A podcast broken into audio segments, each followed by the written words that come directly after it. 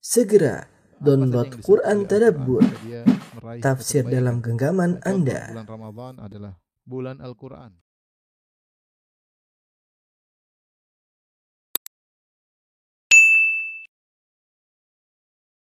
Bismillahirrahmanirrahim. Assalamualaikum warahmatullahi wabarakatuh. Alhamdulillahi ala ihsani wa syukru lahu ala taufiqihi wa amtinani. Asyhadu an la ilaha illallah wahdahu la syarika lahu ta'ziman li sya'ni wa asyhadu anna Muhammadan abduhu wa rasuluhu da'ila ridwani. Allahumma salli alaihi wa ala alihi wa ashabihi wa ikhwani. Uh, para ikhwan, para akhwat, bapak dan ibu-ibu, majelis taklim qalbun salim yang dirahmati oleh Allah Subhanahu wa taala. Kita melanjutkan pada kesempatan kali ini hadis terakhir yang terkait dengan bab as-sidq. Ya, bab hadis yang terakhir yang merupakan penutup dari bab as-sidq. Saya bacakan an Abi Khalid Hakim bin Hizam. Dari Abu Khalid Hakim bin Hizam radhiyallahu taala anhu.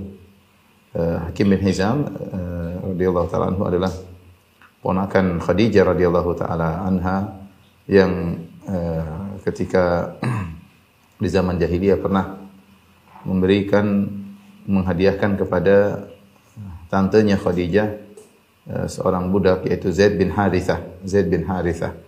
Yang kemudian Zaid bin Harithah ini dihadiahkan oleh Khadijah kepada Nabi Muhammad SAW suaminya. Kemudian akhirnya Zaid bin Harithah diangkat menjadi anak angkat Nabi Shallallahu Alaihi Wasallam sebagaimana dalam kisah yang masyhur uh, sehingga Zaid bin Haritha dikenal dengan Zaid bin Muhammad. Zaid bin Muhammad ya. Jadi Zaid bin Harith itu asalnya budak yang dibeli oleh Hakim bin Hizam yang dihadiahkan kepada Khadijah dan Khadijah menghadiahkan kepada Nabi Shallallahu Alaihi Wasallam sampai akhirnya uh, orang-orang mengenal Zaid dengan panggilan Zaid bin Muhammad kemudian turunlah ayat Allah Subhanahu wa taala menegur hal tersebut. Kata Allah Subhanahu wa taala, "Ud'uuhum liabaihim huwa aqsatu 'indallah." Serulah mereka anak-anak angkat kalian dengan nama orang tua mereka yang sesungguhnya. Jadilah tadinya Zaid bin Muhammad kembali lagi menjadi Zaid bin Harithah radhiyallahu taala anhu. Yang Zaid bin Harithah ini punya anak namanya Usama bin Zaid. Yang dua-duanya adalah sahabat yang mulia dan sangat dicintai oleh Nabi sallallahu alaihi wasallam. Hakim bin Hizam meskipun dia masuk Islam belakangan, tapi di masa-masa uh, sulit uh, berdakwah dia juga membantu Khadijah ketika Rasulullah SAW sedang diboykot di uh, Syekh Abi Talib yaitu ketika diboykot selama tiga tahun di mana kaum muslimin dan juga Bani Hashim tidak diberikan makanan, tidak tidak boleh membeli barang, tidak boleh uh, membeli barang mereka, mereka tidak boleh berjual beli, tidak boleh menikah dengan selain di luar dari mereka ya selama tiga tahun sehingga banyak di antara mereka yang kelaparan, banyak di antara mereka meninggal di isolasi, di isolasi. Di suatu namanya Syekh. Syekh itu jalan di antara dua gunung. Mereka di isolasi situ selama tiga tahun. Yang Hakim bin Hizam kadang mengirim makanan buat tantenya Khadijah radhiyallahu taala anha, yaitu bibinya, khalahnya ya. radhiyallahu taala anha. Kemudian dia di zaman jahiliyah Hakim bin Hizam sangat suka bersedekah, memerdekakan budak, kemudian memberi makan kepada fakir miskin. Ketika dia masuk Islam, maka dia bertanya kepada Nabi Shallallahu Alaihi Wasallam tentang bagaimana kebaikan-kebaikan yang dia lakukan sebelumnya ketika di zaman jahiliyah. Maka Nabi SAW berkata, Aslamta ala ma aslafta min khairi ya hakim. Wahai hakim bin Nizam, kau masuk Islam dengan membawa seluruh pahala kebaikan yang pernah kau lakukan di zaman jahiliyah.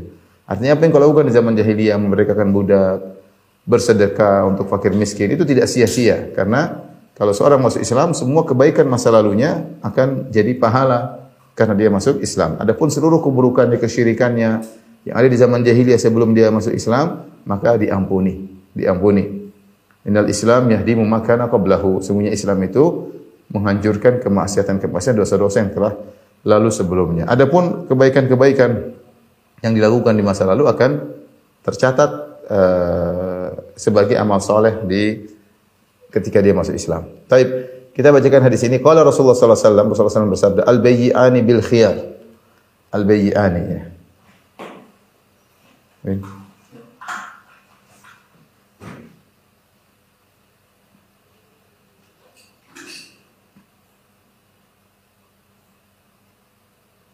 Al-bayyi'ani bil khiyar. Uh, ma lam yatafarraqa. Kata Nabi SAW, dua pelaku transaksi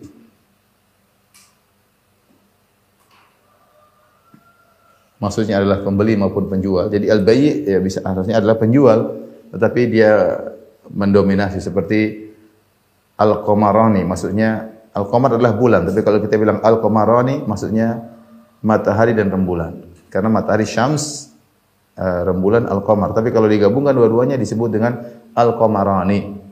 Ya, karena dengan dua rembulan maksudnya rembulan matahari. Seperti kalau ayah namanya al-ab ayah, ibu al-um.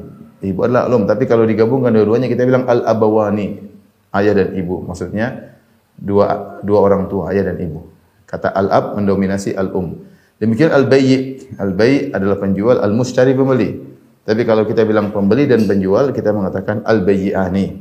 Yaitu pelaku transaksi penjual dan pembeli. Bil khiyar yaitu Eh, dalam dalam atau memiliki bil khiyar maksudnya memiliki hak khiyar majlis, khiyar al majlis. Apa itu khiyar majlis? Khiyar majlis maksudnya adalah masih boleh masih boleh berubah pikiran, masih boleh membatalkan membatalkan transaksi selama badan belum ber, belum berpisah, selama belum berpisah badan. Meskipun sudah terjadi transaksi, misalnya beli, saya masih di toko, saya beli sesuatu, saya sudah bayar, saya masih di toko. Kemudian saya lagi, saya mikir-mikir lagi, akhirnya saya, aduh nggak jadi ya. Dalam aturan Islam, maka berhak untuk mengembalikan. Ya. Sama, penjual juga boleh. Oh enggak, saya nggak jadi jual, saya nggak dijual. Mohon maaf saya ternyata Misalnya motor ini saya masih pakai uh, mobil ini saya masih nggak jadi jual ya. Mohon maaf. Selama badan belum berpisah. Masih belum berpisah. Ini namanya khiyar al-majlis. Ini berlaku berdasarkan hadis ini. Ini pendapat uh, Al-Hanabila dan Syafi'iyah. Ya, mereka mengatakan namanya khiyar al-majlis. Adapun madhab Malikiyah dan Hanafiyah mereka mengatakan khiyar majlis tidak ada. Kalau sudah jadi jual beli sudah terpisah malam kita kalau sudah terpisah terpisah dengan perkataan meskipun badan masih dekatan sudah oke, okay, selesai, putus jual beli, maka tidak boleh dikembalikan lagi. Tapi kalau yang benar pendapat uh, Syafi'iyah dan Hanabilah bahwasanya kalau badan masih di situ, masih belum berpisah, meskipun sudah oke, okay, sudah transaksi, sudah bayar. Tiba-tiba satu menit kemudian, kedua menit kemudian dia merasa aduh kayaknya nggak nggak pas. Kemudian dia minta untuk dibatalkan, maka ini boleh. Nabi mengatakan uh, al-bayyi'ani bil khiyar, dua pelaku transaksi penjual dan pembeli punya hak untuk membatalkan jual beli selama badan belum berpisah. Malam ya tafarraqa, selama badan belum berpisah. Ya. Kenapa? Karena karena jual beli dibangun di atas antara dan minkum, di atas keridhaan. Tidak boleh jual beli di atas pemaksaan. Kalau dia baru beli kemudian dia merasa menyesal, maka segera dia kembalikan. Kalau sudah berpisah, perhatikan, uh, jika sudah berpisah badan,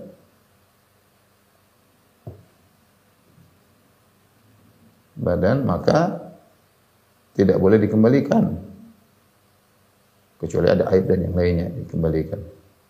Tidak boleh dibatalkan. Ini masalah fikih panjang ya. Ini masalah fikih panjang. Kita tidak akan bahas secara panjang lebar. Tidak boleh dibatalkan kecuali uh, al-iqalah ya al-iqalah itu meminta pembatalan dan disetujui tapi bukan hak. Hak dan disetujui. Kedua belah pihak. Dan di antara uh, amal yang mulia, di antara amal yang mulia adalah menyetujui kalau ada yang minta dibatalkan. Kalau dia tidak mau batalkan itu hak dia. Ya. Kalau dia tidak batalkan itu hak dia. Tapi kalau dia uh, menyetujui kemudian dia minta dibatalkan dan setuju, setuju maka uh, itu lebih baik. Dalam hadis kata Rasulullah SAW, "Man aqala musliman aqala Allahu atratahu." Siapa yang menerima uh, seorang muslim yang meminta dibatalkan transaksi jual beli, kemudian dia setuju, maka Allah akan memaafkan dosa-dosanya. Jadi al-iqalah itu sendiri pahalanya besar. Ya, meskipun itu bukan hak. Misalnya ada orang si A beli dari si B, beli mobil harga 200 juta, sudah bayar. Terus minggu depan dia bilang, aduh boleh nggak saya batalin, saya boleh dia nggak dia nggak bisa maksa. Kalau penjual mengatakan saya tidak mau, sudah selesai kok. Uang sudah saya pakai, kenapa kok minta dibatalkan? Hak penjual untuk tidak membatalkan. Tapi kalau dia mau dapat pahala, tapi ini bukan wajib, dia mau dapat pahala, dia mengatakan e, ya sudah saya kembalikan. Maka dia akan diampuni dosa-dosanya oleh Allah Subhanahu wa taala. Ini bagian pertama dari hadis yang kita bahas. Kemudian berikutnya kata Nabi wasallam ya uh, fa in sadaqa wa bayyana sadaqa wa bayyana burika lahu fi bai'ihima burika lahu burika lahuma fi bai'ihima wa in uh, kadzaba wa sadaqa uh, kadzaba wa katama muhiqat barakatu bai'ihima muhiqat barakatu bai'ihima ya kata Nabi sallallahu alaihi wasallam jika keduanya jujur dan menjelaskan. Jika keduanya jujur jujur dan keduanya menjelaskan.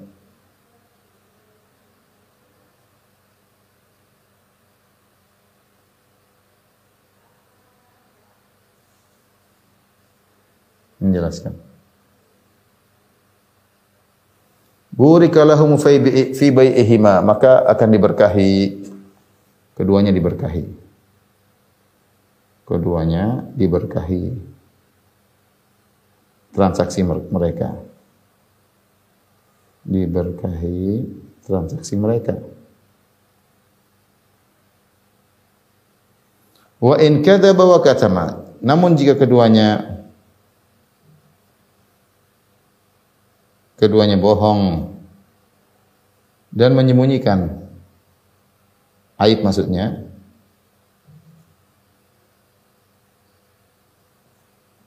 maka dihapus keberkahan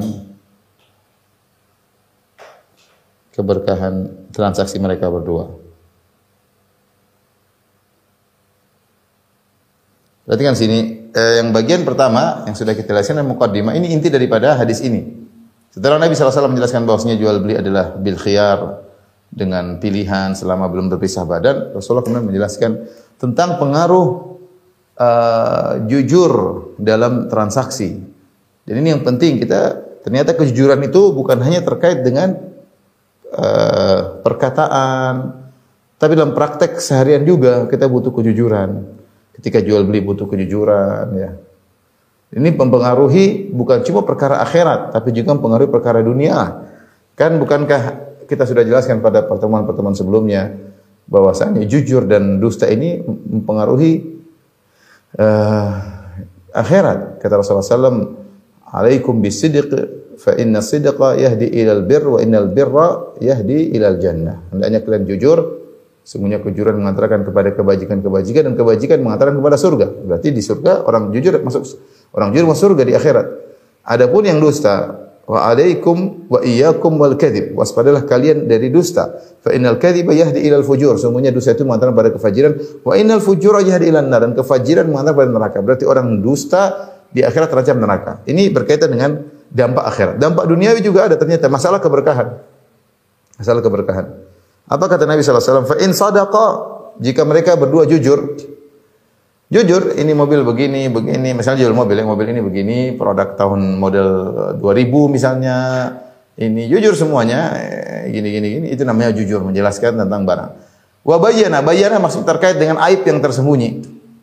Tidak boleh, dia tidak boleh menyembunyikan, dia jelaskan, dia jujur kalau ditanya, ini Pak model berapa? 2000 model model mobil tahun 2001 uh, sudah kilometernya berapa? Oh sudah 100 ribu misalnya atau 200 ribu. Semua ditanya jujur.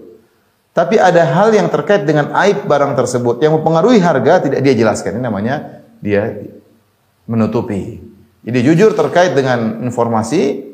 Uh, adapun bayana menjelaskan terkait dengan aib yang ada terkait dengan barang tersebut. Harusnya dia melakukan dua-dua. Dia memberikan informasi yang jujur dan dia menjelaskan aib yang tidak terlihat tidak terlihat secara zahir pada barang tersebut. Dia mengatakan ini pernah kecelakaan tahun sekian sudah diperbaiki. Mobil ini misalnya eh, kalau jalan pada kecepatan sekian maka akan ada gerakan sedikit, goncangan sedikit. Dia harus jelaskan.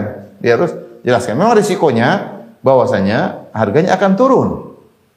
Ini berat, berat bagi para penjual. Namanya orang punya tamak terhadap harta itu ada. Dia tahu kalau dia jelaskan tadi mobil harganya 200 juta bisa menjadi 150, dia rugi 50 juta. Maka dia berusaha menutup. Dia jujur, dia jelas tapi dia tidak menjelaskan kekurangan mobil tersebut. Dia tidak ingin rugi 50 juta, tapi dia merugikan orang lain. Kalau dia jujur, jelas harga mobil akan turun. Tapi ingat, kata Nabi SAW, Burikalahuma fi bai'ihuma. Burikalahuma fi bai'ihima. Maka kalau dia jujur, dia menjelaskan, maka jual belinya berkah, subhanallah. Berkah, dia makan yang halal. Eh, kehidupan rumah tangganya berkah. Akan berkembang uh, akan berkembang setelah itu uh, apa namanya perdagangannya dan banyak akan membuat dia semangat untuk beribadah. Kenapa? Hasil perdagangannya hasil yang berkah. Tapi sebaliknya, kalau dia bohong, keduanya bohong, wa in kadzaba wa katama. Kalau keduanya bohong, ya, oh ini mobil tahun 2020, 2021 ternyata 2000 misalnya 2019 ya. Oh ini baru dikirim dari lima hari yang lalu ternyata sebulan yang lalu. Misalnya namanya orang bohong. Oh, ya, macam-macam ya. Ini kilometernya baru 100 ribu, eh, baru 50 ribu ternyata dirubah kilometernya dari 100 ribu 50 ribu. Intinya bohong. Kemudian sudah bohong, kata katama, menyembunyikan aib. Ini radiatornya rusak, dibiarin aja tidak dikasih tahu. Ini kalau kecepatan 180 150 kilo getar dia tidak kasih tahu. Padahal dia tahu itu hal-hal yang perlu diketahui oleh pembeli. Ya karena itu mempengaruhi harga, tapi dia sembunyikan, dia sembunyikan, akhirnya benar, untungnya lebih banyak. Dapat untung banyak. Tetapi apa kata Nabi sallallahu alaihi wasallam? Muhiqat barakatu bai'ihima. Jual beli tersebut keberkahannya akan dicabut. Bila dapat untung, tapi tidak berkah. Dan demikianlah betapa banyak orang yang melakukan transaksi yang haram, kelihatannya duitnya banyak namun enggak ada enggak ada enggak ada keberkahan. Saya bukan satu dua orang yang datang kepada saya. Ustaz, saya dulu kerja begini, Dulu saya setiap hari dapat sekian-sekian, tapi saya entah entah ke mana, entah ke mana uang saya.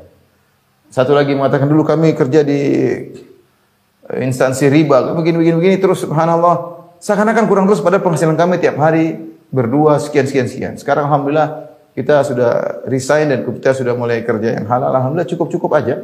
Cukup-cukup aja. Jadi maksud saya keberkahan itu penting. Dan jujur dan dusta mempengaruhi dunia kita sebelum akhirat kita. Kalau kita jujur berkah, meskipun mungkin menurut kita tidak seberapa, tapi dia langgeng keuntungan tersebut langgeng, kemudian menghasilkan anak yang soleh, kemudian kita bisa beribadah, kita rajin ibadah. Tapi kalau kita untung banyak, untung banyak tapi enggak enggak berkah, kebaikan dicabut oleh Allah. Kalau tidak berkah berarti apa? Tidak baik. Kelihatannya banyak tapi musibah.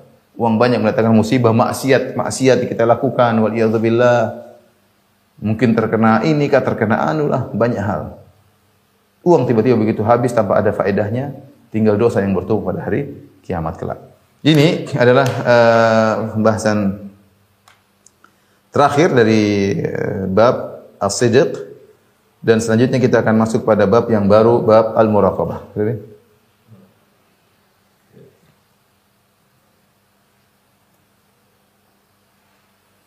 Al-muraqabah.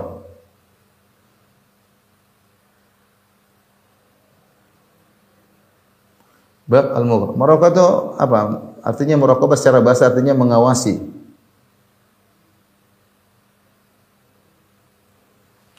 Seperti orang muraqabah di CCTV, lihat CCTV ngeliat terus. Itu namanya muraqabah. Ya, muraqabah, mengawasi. Dan mengawasi dalam hal ini dua hal. Ya, dua hal. Pertama, meyakini Allah senantiasa mengawasi. Itu maksud apa? Melihat dengan perhatian. Maksudnya melihat dengan perhatian. Kalau bahasa apa bahasa pengertian melihat dengan perhatian. Beda dengan kalau bahasa Arab melihat melihat saja, tapi kalau muraqabah itu mengawasi dengan perhatian. Mereka senantiasa mengawasi segala gerak-gerik kita. Perkataan, perbuatan semuanya. Perkara yang kedua, ya, yaitu uh, kita senantiasa menghadirkan menghadirkan diri uh, apa namanya uh, dalam hati bahwa ya, kita bermuamalah dengan Allah. Selalu dengan Allah. Keduanya mirip tapi ada sisi satu sisi bahwasanya uh, kita selalu menghadirkan bahwasanya kita bermuamalah dengan Allah. Ada Allah. Seakan-akan kalau kita mau sholat kita menghadap Allah. Kita mau sedekah kita menghadap Allah. Itu namanya kita menghadirkan diri bahwasanya kita sedang bermuamalah dengan Allah selalu. Jadi kalau bahasa Indonesia anturaqiballah ya anturaqiballaha engkau an turaqiballah kalau ini uh, anallaha qaribun alaik ya anallah anta a'taqid anallaha qaribun alaik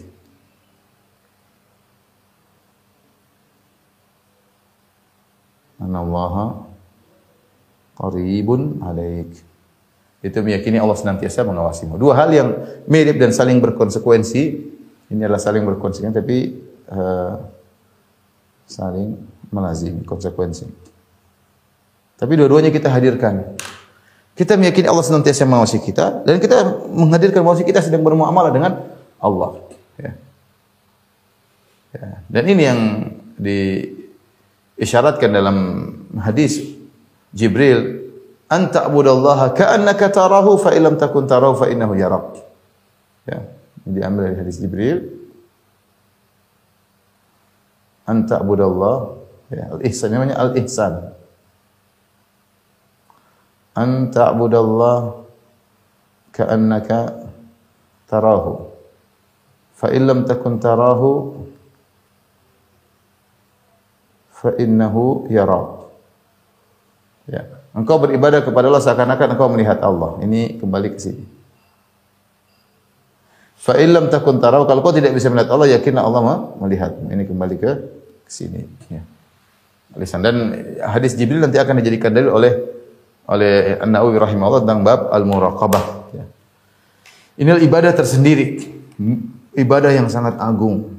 Merasa Allah senantiasa melihat kita dalam segala hal ya dalam segala hal dan senantiasa kita merasa bermuamalah dengan Allah Subhanahu wa taala. Perhatikan meyakini Allah senantiasa dalam segala gerak-gerik kita, perhatikan sini dalam urusan akhirat maupun duniawi. Dalam bermuamalah dengan diri sendiri ya. Ketika bermuamalah bermuamalah dengan diri sendiri, dengan Allah, dengan orang lain, dan dengan diri sendiri.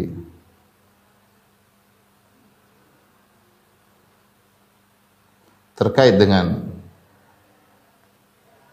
ucapan, ucapan, kemudian amal perbuatan, perbuatan, Ya. Pandangan termasuk perbuatan adalah pandangan, penglihatan, pandangan, penglihatan, apa pendengaran,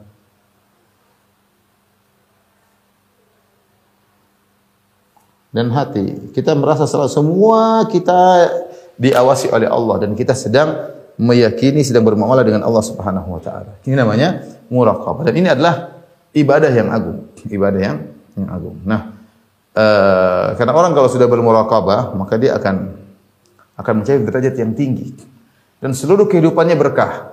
Kenapa? Karena dia merasa Allah sedang melihat dia atau dia merasa lebih hebat dari itu dia sedang dia sedang bermuamalah dengan Allah. Kalau dia mau sedekah, ya Allah, dia, dia tahu ya Allah, saya bersedekah karena perintahmu. Sudah dia kasih. Engkau sudah tahu ya Allah selesai. Mau orang disedekahi mau berterima kasih atau tidak nggak ada masalah. Yang penting ya Allah engkau sudah tahu aku menjalankan kewajiban. Dia mau berbakti sama orang tua, dia pergi ke ke orang tuanya, dia mungkin naik, naik kendaraan di tempat yang jauh boleh oleh sampai di sana orang tuanya tidak terima, orang tuanya usir dia. Dia bilang, ya Allah, saya bermuamalah dengan engkau. Orang saya bermuamalah dengan orang tua ini perintahmu. Jadi senantiasa kehidupannya berkah karena selalu pahala mengalir pada dirinya. Karena dia merasa selalu bermuamalah dengan Allah dan dia merasa selalu diawasi oleh Allah Subhanahu wa taala. Kemudian setelah itu Imam An-Nawawi rahimahullah membawakan ayat-ayat uh, yang menunjukkan akan hal ini. Uh, di antaranya Qala Allah Ta'ala, ini kebiasaan Imam Nawawi rahimahullah Ta'ala ketika menjelaskan, menjelaskan tentang redha salihin, membawakan ayat-ayat kemudian hadis-hadis. Qala Allah Ta'ala, Allah berfirman, Alladhi yaraka hina taqum. Yaitu yang melihatmu ketika kau berdiri hendak salat. Ketika kau sedang salat. Wa taqallubaka fis sajidin. Demikian ketika kau apa namanya? gerakanmu dalam bersama orang yang sujud.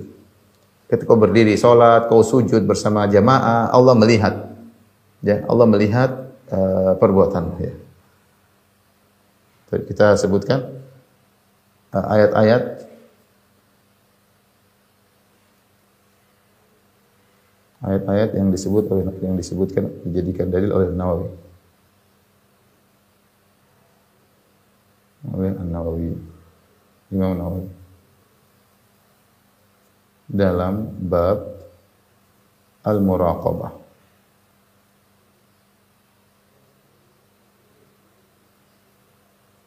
Merasa selalu diawasi Allah. Ayat tersebut di antaranya pertama ya, dalam surat uh, Asy-Syu'ara 218. 218 19 12 Kata kata Allah Subhanahu wa taala, "Alladzi yaraka hina takum."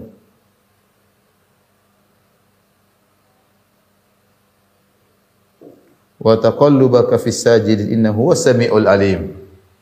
Ya, kata Allah, "Wa tawakkal 'alal azizir rahim." Bertawakal kepada Allah yang Maha Perkasa lagi Maha Penyayang. Alladzi yaraka hina yang melihatmu ketika kau berdiri.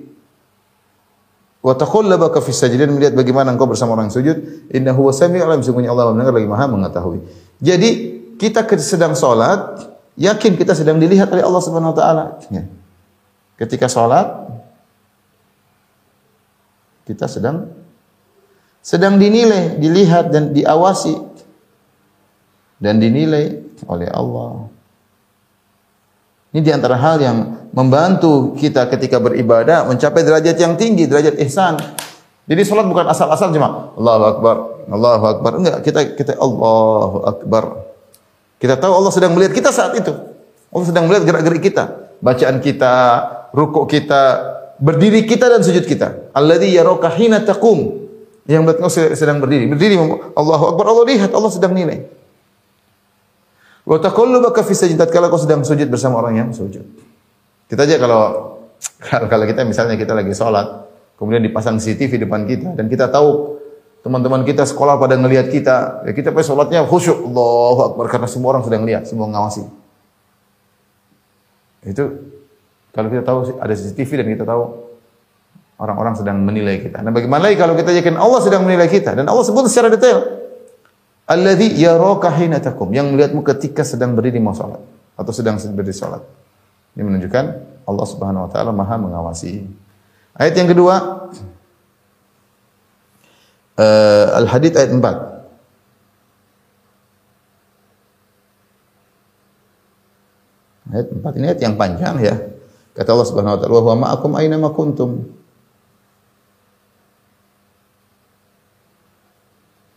Allah bersama kalian di mana kalian berada. Allah bersama kalian di mana pun kalian berada.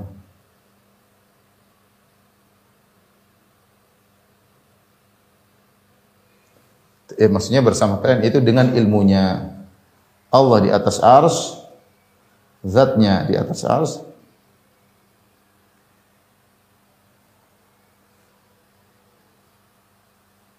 ilmunya bersama bersama kalian di mana pun.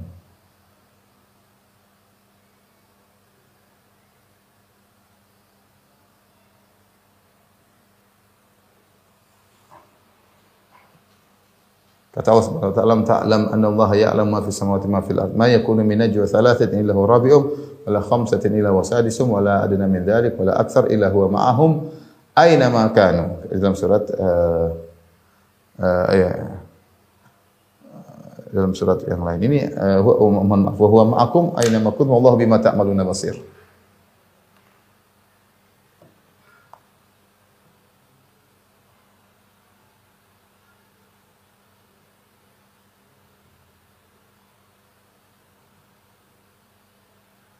Saya bacakan ayatnya ya. Ini surat tadi surat yang lain ini tadi surat Al-Mujadalah yang saya bacakan mirip bahwa ma'ahum aina makan. Dalam surat Al-Mujadalah saya bacakan ayat 4 lengkapnya. Huwallazi khalaqas samawati wal arda fi sittati ayyam. Ya, huwallazi khalaqal arda sittati ayyam thumma stawa 'alal arsy. Perhatikan. Dialah yang menciptakan Allah yang telah menciptakan langit dan bumi dalam waktu enam masa kemudian diberi istiwa di atas arsy. Ya'lamu, perhatikan. Ya'lamu ma jalaju fil ardi. Allah mengetahui apa yang masuk dalam bumi, wa ma yakhruju minha dan apa yang keluar dari bumi, wa ma yanzilu minas sama dan Allah tahu apa yang turun dari langit, wa ma ya'ruju minha dan apa yang naik ke langit, wa huwa ma'akum aina ma kuntum. Allah bersama kalian di mana kalian berada, wallahu bima ta'maluna basir. Dan Allah melihat apa yang kalian lakukan apa pun. Ayat ini orang yang perhatikan dari awal sampai akhir ngerti bahwasanya Allah di atas arsy setelah menciptakan langit ini Allah di atas arsy dan keberadaan Allah di atas arsy bukan berarti Allah tidak tahu apa yang di bawahnya. Makanya Allah mengatakan ya lau ma yarju fil ardi. Allah tahu apa yang masuk dalam bumi, apa yang keluar. Wa ma ya'ruju wa ma yanzilu minas sama apa yang turun dari langit dan apa yang naik ke langit. Wa huwa ma'akum aina ma kuntum. Allah bersama kalian di mana kalian berada. Wallahu bima ta'maluna basirin. Allah mengetahui apa yang kalian lakukan. Jadi maksudnya Allah melihat meskipun Allah di atas arsy, Allah mengetahui seluruh yang terjadi di bawah naungannya ya semuanya. Makanya Allah tutup dengan firman-Nya wallahu bima ta'maluna basir. Sebenarnya Allah Maha lihat apa yang kalian lakukan ya. Uh, dan ini juga mirip dengan tadi surat Al-Mujadalah ya.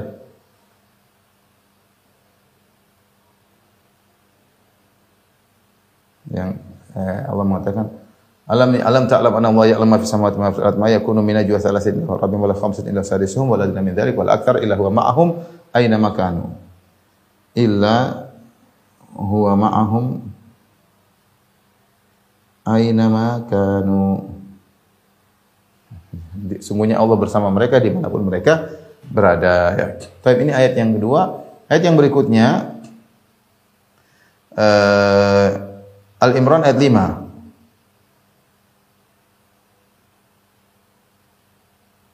Allah Subhanahu wa taala mengatakan, "Inna Allah la yakhfa 'alaihi syai'un fil ardi wala fis sama'." Inna Allah la yakhfa 'alaihi syai'un fil ardi wala fis sama'. Sungguhnya Allah tidak ada yang samar baginya. Satu pun di langit maupun di bumi. Di sini syai'un nakirah. Nakirah memberikan faedah keumuman. Tidak ada satu pun yang uh, yang samar bagi Allah. Semuanya Allah tahu. Ya, ini mencakup semua apa pun besar atau kecil, terlihat maupun tersembunyi, ya. Uh, di atas ataupun di bawah. Semuanya Allah ketahui, tidak ada yang tersembunyikan. Inna Allah la yakhfa alaihi syai'un fil ardi wala fis sama. Semuanya Allah itu tidak satu pun yang samar bagi Allah di langit maupun di di, di bumi ya. Kenapa? Karena semua ini adalah ciptaan Allah Subhanahu wa taala. Semua yang ada di dalam semesta ciptaan Allah dan merupakan konsekuensi logis bahwasanya yang menciptakan tahu tentang apa yang dia ciptakan. Kita saja kalau kita yang misalnya kita yang membuat sebuah mainan, kita tahu mainan kita tuh under seperti apa, bagaimana sifat-sifatnya. Karena kita yang membuat merancang ini semua. Ya, secara sederhana kalau itu manusia. Apalagi Al-Khaliq yang menciptakan seluruhnya, maka dia tahu semua ciptaannya. Ala ya'lamu man khalaq. Bukankah yang menciptakan tahu tentang apa yang diciptakan? Jelas. Bahwa latiful khabir, dia maha halus dan mengetahui secara detail. Al-khabir itu maha mengetahui secara detail. Makanya Allah mengatakan, ya, eh, wa ma tasqutu mi waraqatin illa ya'lamuha. Tidak ada satu daun pun yang jatuh kecuali Allah mengetahui tentang tentang daun tersebut. Wa ma wa ma tasqutu min waraqatin illa ya'lamuha. Wala habbatun fil ardi uh, dalam itu dan tidak ada satupun uh, daun yang jatuh kecuali uh, Allah mengetahui bagaimana ilmunya. Dalam surat Al-An'am 59 ya, kata Allah Subhanahu wa taala Wa indahu mafatihul ghaibi la ya'lamuha illahu. Semua kunci-kunci gaib tidak ada yang mengetahui kecuali Allah. Wa ya'lamu fil barri wal bahr. Allah mengetahui seluruh yang di daratan. Wal bahr Allah mengetahui seluruh yang ada di lautan. Wa ma tasqutu min waraqatin la ya'lamu. Bahkan satu daun pun yang jatuh Allah tahu tentang ilmunya. Coba untuk bayangkan para hadirin hadirat, berapa jumlah pohon yang ada di alam semesta ini? Sangat-sangat banyak. Jumlah pohon sangat-sangat banyak. Setiap pohon entah berapa triliun, entah berapa pohon banyak sekali. Setiap pohon entah berapa banyak daunnya. Di belantara hutan sana, belantara hutan sini, di mana-mana. Kalau ada satu daun yang jatuh, Allah tahu tentang daun tersebut. Kenapa? Daun semua pohon tersebut ciptaan Allah, ciptaan Allah dan seluruh daunnya juga ciptaan Allah. Ketika ada daun yang jatuh, maka Allah Maha tahu tentang daun tersebut. Matas ketumi warakatin la ya'lamuha. Wala habbatin fi dhulumatil ardi. Wala ratbin, tidak ada satu biji pun, biji apa pun dalam kegelapan bumi, tenggelam dalam bumi. Allah tahu biji mana pun. Allah tahu. Wala ratbin wala yabisin. Tidak ada sesuatu yang basah maupun yang kering illa fi kitabim mubin. Semuanya telah tercatat. Allah sudah tahu seluruhnya. Ya Allah sudah tahu seluruhnya. Jadi ini membuat kita yakin bahwasanya Allah Maha mengetahui segala sesuatu dan konsekuensi Allah Maha mengetahui segala sesuatu. Allah mengawasi. Allah mengawasi. Demikian juga ayat berikutnya surat Al-Fajr uh, ayat 14. Allah mengatakan Inna rabbaka labil mirsad.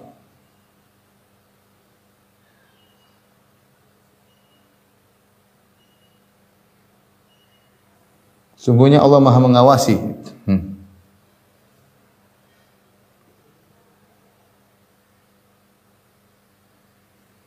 Allah mengawasi. Ayat ini setelah Allah sebutkan tentang eh, kaum-kaum uh, yang mereka bertindak sewenang-wenang namun Allah membinasakan mereka. Artinya apa? Selama ini yang mereka lakukan dalam pengawasan Allah. Jadi apa uh, apa namanya? Terkait dengan ayat ini yaitu Allah menyebutkan kaum kaum yang semena-mena.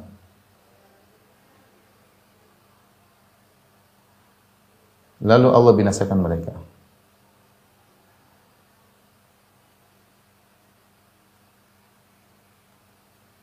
Kata Allah Subhanahu wa taala tentang kaum kaum Firaun, kaum Samud, kaum Ad. Alam taro kaifa fa'ala rabbuka bi'ad? Tidakkah kau lihat bagaimana apa yang Allah lakukan terhadap kaum Ad? Kaum Ad, kaum yang hebat, yang memiliki uh, tubuh yang sangat kuat, yang mereka mengatakan dalam ayat yang lain, ya, wa qalu man asyaddu minna quwwah? Siapa yang lebih kuat daripada kita? Kita ini yang paling kuat. Sebutkan dalam, dalam sebagian buku tafsir kalau ada kaum Ad yang ngamuk sama suku lain, dia cuma kirim mereka cuma kirim satu orang. Satu orang angkat batu besar kemudian lemparkan kepada musuh mereka supaya maka binasa semua. Sombong dengan kekuatannya. Ya, alam taro kaifa fa'ala rabbuka bi'ad. Tidak akan kau lihat bagaimana apa yang Allah lakukan terhadap kaum Ad. Iramadatil imad. Mereka dari keturunan Iram dan mereka memiliki apa namanya tenda-tenda yang tinggi-tinggi tiang karena mereka banyak besar-besar.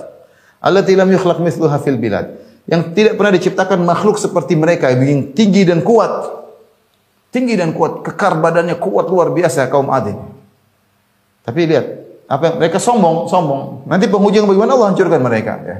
Allah kirim rihan sorsoran, Allah kirimkan angin yang sangat dingin dan sangat berisik dan angkat mereka sab'a layalin wa thamaniyata ayamin husuma. Allah angkat uh, tujuh malam dan delapan siang dihancurkan di gua jawang sampai usus-usus mereka keluar. Lihat bayang tubuh mereka yang kuat dihancurkannya dengan angin. Kemudian kata Allah, "Samud alladziina jabu sakhra bil wad." Dan kaum apa namanya? Uh, kaum Samud yang mereka uh, membuat apa gunung-gunung, memahat gunung-gunung, buat istana-istana di apa namanya? di lembah-lembah, mereka pahat gunung-gunung dengan ilmu mereka yang luar biasa. Mereka sombong, jadi mereka sombong. Wa tanhitunal jibala buyuta. Ya. Eh, tattakhiduna min suhuliha qusura wa tanhituna minal jibali buyuta. Jadi tanah-tanah yang landai, lembah kalian bikin istana-istana, rumah-rumah yang megah dan kalian bukan tidak cukup sampai situ, bahkan kalian mahat gunung-gunung menjadikan tempat tinggal.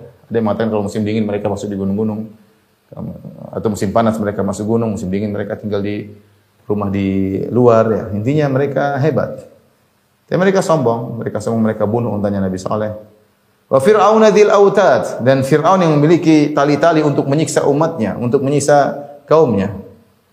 Alladzina taghaw fil bilad. Mereka ini semua telah melampaui batas di negeri-negeri mereka. Kemudian Allah Subhanahu wa taala eh, fasabbahum fasabba alaihim rabbuka sauta adzab Allah kemudian memberikan kepada mereka siksaan setelah itu Allah mengatakan inna rabbaka labil mirsad sungguhnya Allah Maha mengawasi mereka maksudnya apa ikhwan dan akhwat maksudnya mereka bertahun-tahun Firaun mungkin 100 tahun lebih melakukan ke kemaksiatan. Kemudian lihatlah bagaimana kaum Ad sombongnya berlama puluhan tahun. Kaum Samud sombongnya puluhan tahun. Tetapi apakah Allah hanya melihat tanpa mengawasi? Allah mengawasi dan semua tercatat. Ada saatnya Allah akan binasakan mereka. Jadi, makanya kita ini jangan merasa aman ketika kita melakukan melakukan kita melihat yang macam-macam, kita mendengar yang macam-macam, kita mendolimi orang, menyakiti hati orang, nyinyir sama banyak orang, semua tercatat. Inna rabbaka labil mirsad. Allah mengawasi semua, semua ucapanmu, semua nyinyiranmu, semua semua kegiatanmu tercatat akan ada. Inna rabbaka labil mirsad. Allah mengawasimu. Allah mengintai, siap mem, siap menghukummu. Kalau tidak di dunia, di akhirat. Mengerikan. Ayat ini mengerikan. Lihatlah bagaimana kaum-kaum yang hebat. Ke mana perginya Fir'aun dengan kekayaan yang luar biasa. Ke mana perginya kaum Ad dengan tubuh mereka yang luar biasa. Ke mana perginya kaum Samud dengan kecanggihan teknologi mereka dan semuanya binasa.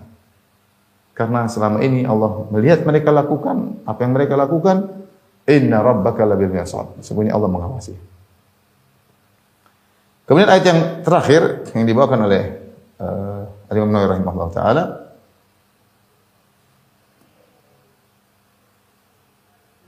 uh, surat Ghafir 19.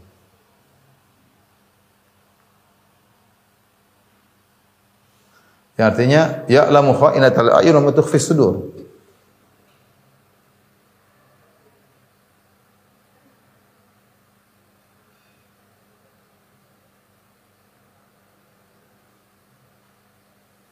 Allah mengetahui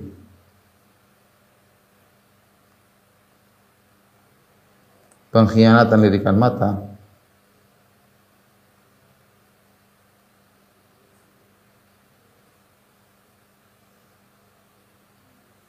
dan apa yang disembunyikan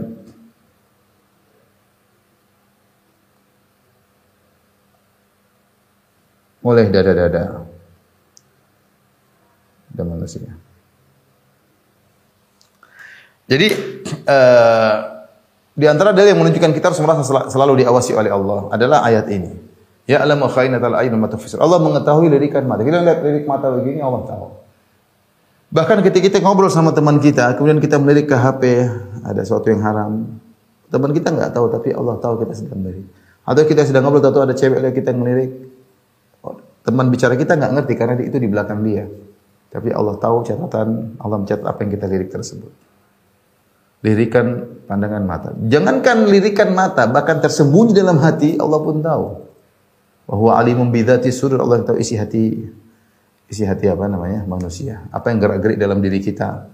Apa yang kita renungkan, apa, sombong, takabur, tawadu, ikhlas, ria, ujub, uh, hus, husnudzon berbaik sangka, suudzon berburuk sangka, merendahkan orang lain, uh, cinta dunia, orientasi dunia, orientasi akhirat, Percuma kita mau sembunyikan Allah Maha tahu niat kita. Allah Maha Maha tahu. Tadi kita sudah sebutkan, jangankan pandangan mata kita, jangankan lirikan mata kita Allah tahu. Bahkan daun yang jatuh pun Allah tahu. Bukankah Allah mengatakan ya, "Wa ma tasqutu mi waraqatin la ya'lamuha." Tidak ada satu daun pun yang jatuh, yang daun jatuh lepas dari tangkainya kemudian kering, jatuh gugur dengan pelan. Allah tahu gerakan gerakan daun tersebut. Ini daun tersebut tidak akan dibangkitkan pada hari kiamat.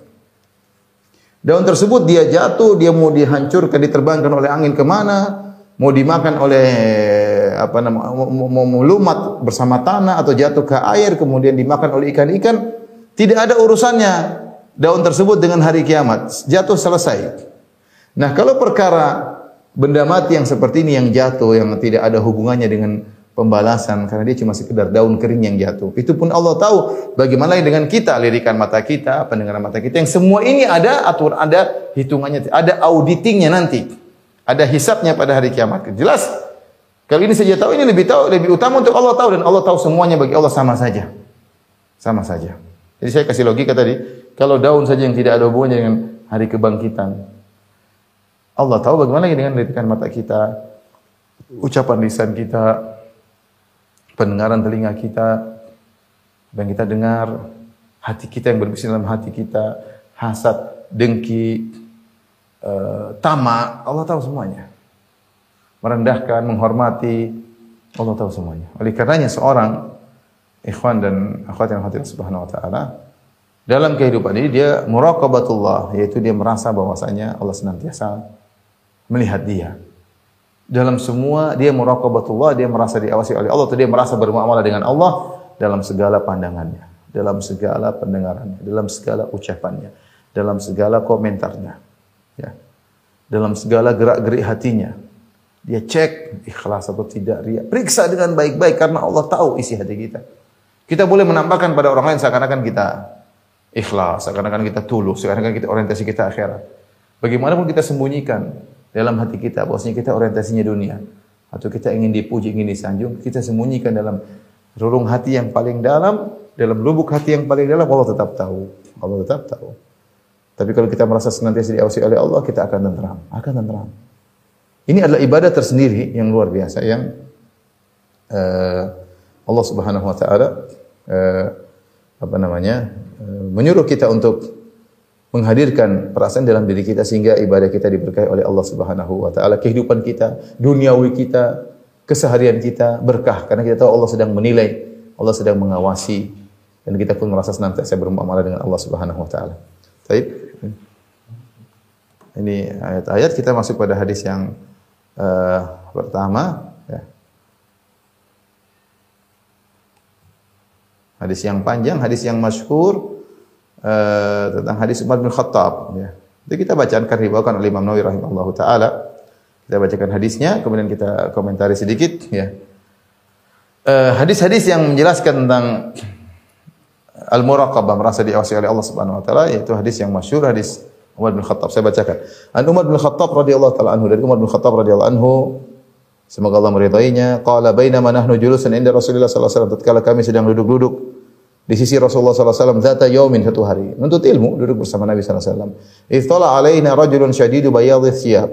Tiba-tiba muncul seorang lelaki yang bajunya sangat putih. Syadidu sawadi sya'r rambutnya sangat hitam. La yur alaihi atharu safar, tidak terlihat bekas safar. Karena dahulu orang bersafar entah jalan kaki, entah naik onta, tentu akan terkena pasir. Bajunya pasti berdebu, eh, kemudian rambutnya mungkin terkena pasir. Namanya safar zaman dahulu, bukan seperti sekarang kena pesawat yang tidak ada debunya sama sekali ya. Mau tayamum saja di pesawat susah ya. Kalau zaman dulu orang di atas eh, kendaraan atau jalan kaki pasti kena debu. Orang ini aneh datang tiba-tiba bertemu dengan Nabi, bajunya sangat putih, rambutnya sangat hitam, bajunya sangat putih, tidak ada kotoran sama sekali, rambutnya sangat hitam, tidak ada debu sama sekali. Tidak ada tanda-tanda dia baru safar, tapi masalahnya wala ya'rifu minna ahad. Tidak seorang pun yang mengenal dia. Artinya orang ini kalau tidak ada bekas safar berarti orang sekitar kita. Tapi anehnya kalau orang sekitar kita, kita tidak kenal.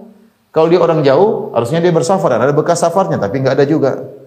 Hatta jalasa ila Nabi sallallahu alaihi wasallam. Rupanya itu adalah Jibril yang menyamar, menjelma menjadi manusia. Hatta jalasa ila Nabi sallallahu alaihi wasallam sampai duduk ke arah Nabi sallallahu alaihi wasallam fa asnada ila rukbatayhi. Kemudian dia menyandarkan kedua lututnya kepada kedua lutut Nabi sallallahu alaihi wasallam. Wa wada'a kaffayhi ala fakhidayhi. Kemudian meletakkan meletakkan kedua tangannya di atas pahanya, apakah paha dia atau paha Nabi sallallahu alaihi wasallam. Wa qala ya Muhammad akhbirni anil Islam. Kemudian dia bertanya, "Ya Muhammad." Orang tambah bingung. Kalau para sahabat yang tinggal di bersama Nabi pasti mereka tidak ada yang manggil ya Muhammad, pasti manggilnya ya Rasulullah, ya Nabi Allah. Yang manggil ya Muhammad orang Badui, Arab Badui. Jadi ini orang Arab Badui ini kok aneh.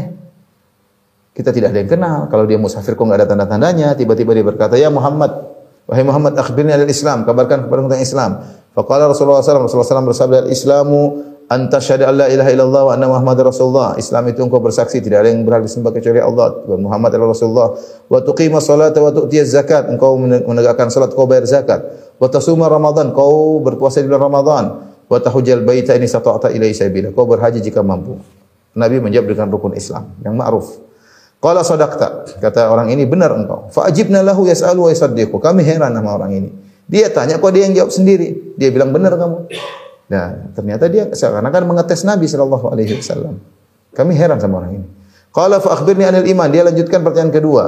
Kabarkanlah kepada tentang iman. Nabi menjawab, "Anta antuk minabillahi wa malaikati wa kutubi wa rusuli wal yawmil akhir wa tu'mina bil qadari khairi wa syarrihi." Engkau beriman kepada Allah, kepada malaikat-malaikatnya, kepada kitab-kitab sucinya, kepada rasul-rasulnya, kepada hari akhirat, dan engkau beriman kepada takdir baik maupun buruknya. Enam rukun enam yang ma'ruf. Qala sadaqta. Benar engkau kata orang tersebut yang itu adalah Jibril. Qala fa akhbirni anil ihsan, kabarkanlah kepadaku tentang ihsan.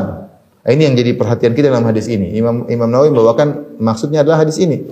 Anta budallaha ka'annaka tarahu. Engkau beribadah kepada Allah seakan-akan engkau melihat Allah. Ihsan adalah kabarkanlah kepada tentang ihsan kata Nabi SAW ihsan adalah engkau beribadah kepada Allah seakan-akan engkau melihat Allah. Fa takun tarahu fa innahu.